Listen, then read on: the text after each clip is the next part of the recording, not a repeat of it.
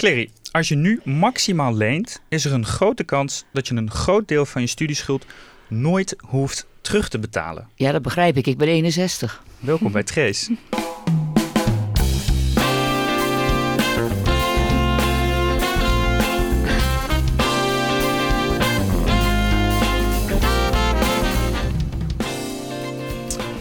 Ja, we hebben ons alle drie uh, de afgelopen weken vastgebeten in uh, de studieschuld. Um, en onze hoofdvraag daarbij is: wat zijn de gevolgen van die studieschuld? En daar liepen we eigenlijk met z'n drieën tegen hetzelfde aan telkens. Uh, dat het nogal uitmaakt onder welke betaalregeling, onder welke stelsel je zit om je studieschuld terug te betalen. Want er zijn namelijk drie soorten regelgevingen. En het maakt nogal uit onder welke regelgeving je zit. Waar we achter kwamen Stel je voor dat je onder de huidige sociale leenstelsel volledig hebt bijgeleend. En je bent afgestuurd, je bent oud student, je bent kinderloos, uh, je hebt geen fiscaal partner. Uh, en je verdient een inkomen, laten we zeggen modaal, van 35.000 euro. Um, per jaar? Toch? Per jaar, inderdaad. En je hebt gedurende je hele studieperiode 90.000 euro bijgeleend. Dat is het maximale wat je kunt bijlenen. Dan, onder de huidige terugbetaalvoorwaarden, krijg je 65.000 euro cadeau van de overheid. Hoezo cadeau? Omdat je onder de huidige terugbetaalregelingen er 35 jaar over mag doen. En je hoeft nooit meer dan 4% van je inkomen af te dragen aan de overheid.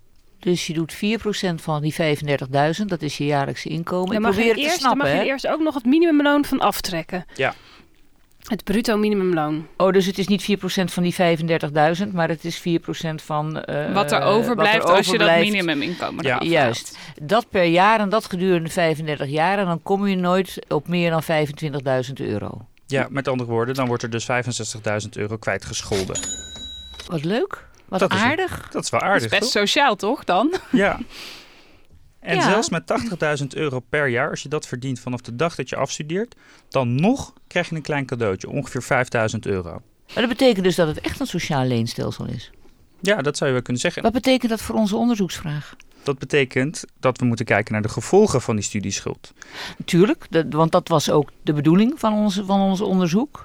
Maar het betekent ook dat we moeten beginnen met constateren dat er dus uh, verschillende gevolgen zijn. Namelijk van mensen die in het verleden een studieschuld hebben opgebouwd. En mensen die dat nu doen onder het huidige sociale stelsel.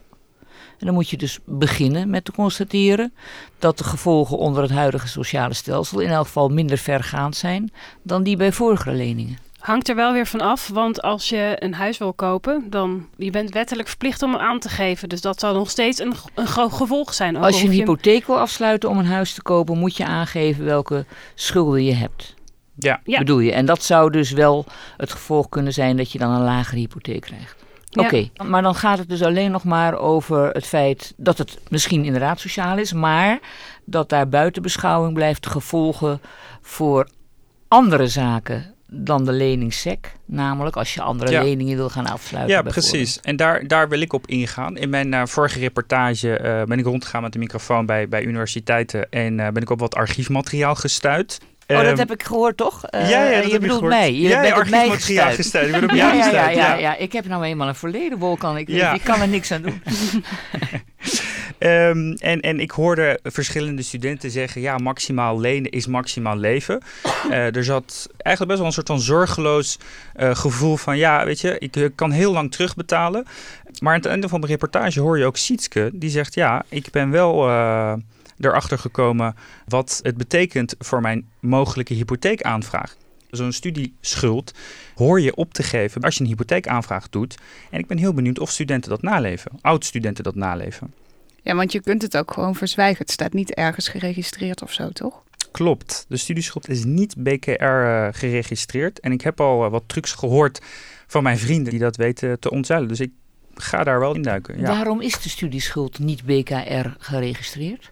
Het wordt niet gerekend als een commercieel krediet, want een commercieel krediet is BKR geregistreerd. En dat is een studieschuld nu niet. Hij is niet BKR geregistreerd. Het wordt niet gerekend als een commercieel krediet. Maar je hebt wel een, kunt dus wel een schuld hebben. Maar je moet het wel opgeven als je andere schulden aangaat.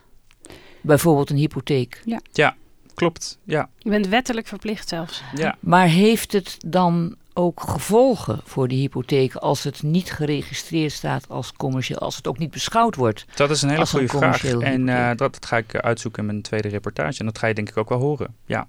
Ben benieuwd. Ja, want ik heb dus een hypotheek en eh, ik heb ook een studieschuld. En ik heb daar nooit over nagedacht wat voor gevolgen dat zou hebben. En ik weet niet, in mijn reportage heb je dus ook wel gehoord dat de huisgenoot van mijn broertje, die nu aan het lenen is, daar ook nooit over nagedacht heeft. En ik heb de hele website van Duo omgespit en heb daar ook nergens iets gevonden over dat ze aangeven dat die lening inderdaad gevolgen kan hebben voor je hypotheek. Ehm, dus ja, dat is inderdaad. Ik ben wel heel benieuwd wat je gaat vinden, Wolkan.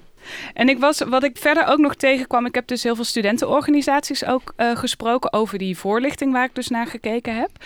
Ehm, maar waar zij de hele tijd over begonnen was het sociale leenstelsel. Is dat wel zo sociaal? En die maakte zich vooral zorgen over de toegankelijkheid eh, van het onderwijs. Dus dat steeds minder studenten zouden kunnen gaan studeren omdat het geld kost en je moet toch die lening terugbetalen en zo. Dus ik dacht, laat ik eens even uitzoeken wat we daar nu, we zitten nog maar een paar jaar in dat stelsel, wat we daar nu over weten.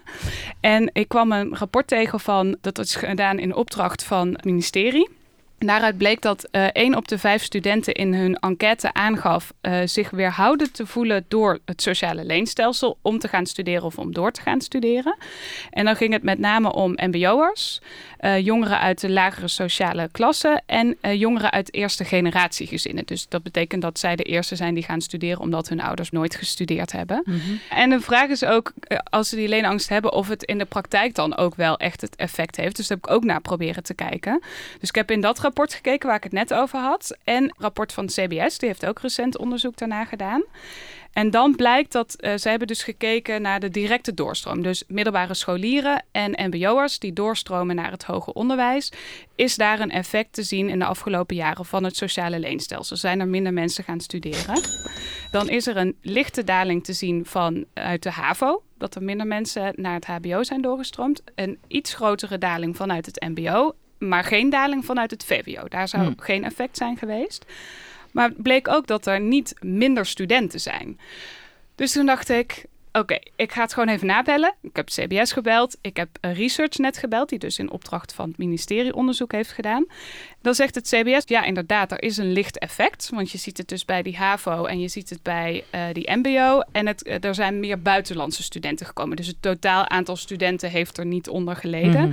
Maar ResearchNet die zegt nee, het effect is niet groot genoeg om daar echt iets van te kunnen zeggen. Dus nou ja, ik heb nog steeds niet per se antwoord op de vraag of het nu effect heeft. Maar ja, misschien is het nu ook nog iets te vroeg om daar iets over te zeggen, want ze zitten er nog maar een paar jaar in.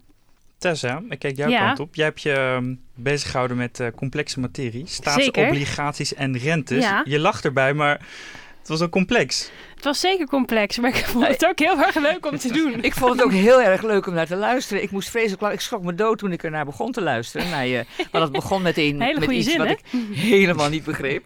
En eh, ik moest er enorm om lachen, ja. Ja. Snap je nu wat een staatsobligatie is? Ik, ik snap wel wat een staatsobligatie is. Ik moest even nadenken wat het ook alweer te maken had met ons onderwerp. Mhm. Maar het heeft dus te maken met de hoogte van de rente die berekend Ja. wordt.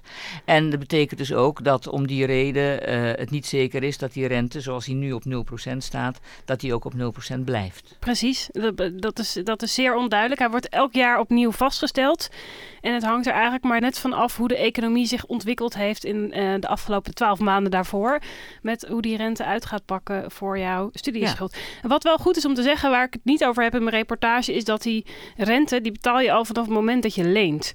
Ehm, hij wordt alleen pas voor vijf jaar vastgezet op het moment dat je afgestudeerd bent. Maar je hebt er dus vanaf het begin af aan al mee te maken. Ja. Ook dat is iets wat, wat ik niet wist in elk geval. En wat waarschijnlijk een heleboel mensen niet weten. En wat dus bij die voorlichting hoort. Dus ik weet niet waar dit onderzoek naar leidt. Maar in elk geval dat de voorlichting van geen kanten deugt. Ja, daarom ga ik ook eh, hopelijk snel langs bij Duo voor een interview. Heb jij na aanleiding van onze reportages nog een belangrijke vraag die ik mee moet nemen, Clary? Eh, nou, dit waren een aantal die Ja. we eh, hebben gezegd. Ik weet niet of ik er nu nog zo snel eentje zou kunnen bedenken. Maar ik zal er even over Anders nadenken. weet je me te vinden. Ja. Maar los, los van duo um, of de dienstuitvoering onderwijs, ben ik heel benieuwd wat Tweede Kamerleden met onderwijs in hun portefeuille hiervan vinden.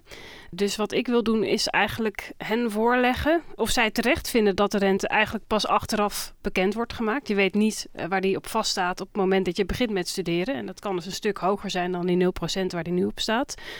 En of zij vinden dat dienstuitvoering onderwijs studenten genoeg informeert vooraf over dat het dus zo werkt. Ja. Dus dat is vooral wat ik in mijn tweede reportage wil gaan uitzoeken. Als ik het nu tot nu toe goed begrijp, mag je in je handen knijpen als je dus nu gaat studeren, want dan heb je het goed voor elkaar. Uh, uh, maar als je dus drie jaar geleden of zes jaar geleden of tien jaar geleden ging studeren, dan en binnen onze redactie, mooi het nakijken. Binnen onze redactie zie je dat ook heel duidelijk terugkomen. Tessa heeft een andere terugbetaalregeling als dat ik dat heb. Het hangt van heel veel verschillende dingen af. Wat we wel tegen zijn gekomen, wat we nu hebben onderzocht, is dat in ieder geval het nieuwe stelsel, daar, zijn nog, daar is nog niemand van afgestudeerd, dus niemand zit nu in die terugbetalingsregeling. Nee, en niemand uh, weet dus ook nu of die 0% 0% blijft qua rente. Nou, sterker nog, ze zijn aan het kijken of ze de rente kunnen vastzetten voor 10 jaar. En ik kan daar een heel ingewikkeld economisch verhaal over gaan vertellen. Dat doe ik niet. maar, maar voorspellingen, maar Tessa. Het, maar het komt er... Heb je in deze materie ge ja, gedoken? Nee, dat is, dat is helemaal geen voorspelling. Dat is gewoon algemene kennis onder economen en inmiddels ook bij mij. is dat, uh, dat een, de, de rente zeg maar op tienjaars staatsobligaties over het algemeen iets hoger ligt dan op vijfjaarsobligaties. Dat betekent al dat die iets omhoog zou gaan schieten. Ja. En dat ligt nu in de pijpleiding. Dat is nog niet besloten, maar dat, uh, dat willen ze wellicht wel gaan invoeren. Oké okay, jongens, dankjewel. We gaan eindigen. Trace is van VPRO en Human en wordt gemaakt door Tessa, Meike en mij. Worden gesteund door het Stimuleringsfonds voor de Journalistiek. En de muziek die je hoort is van Raad van Toezicht.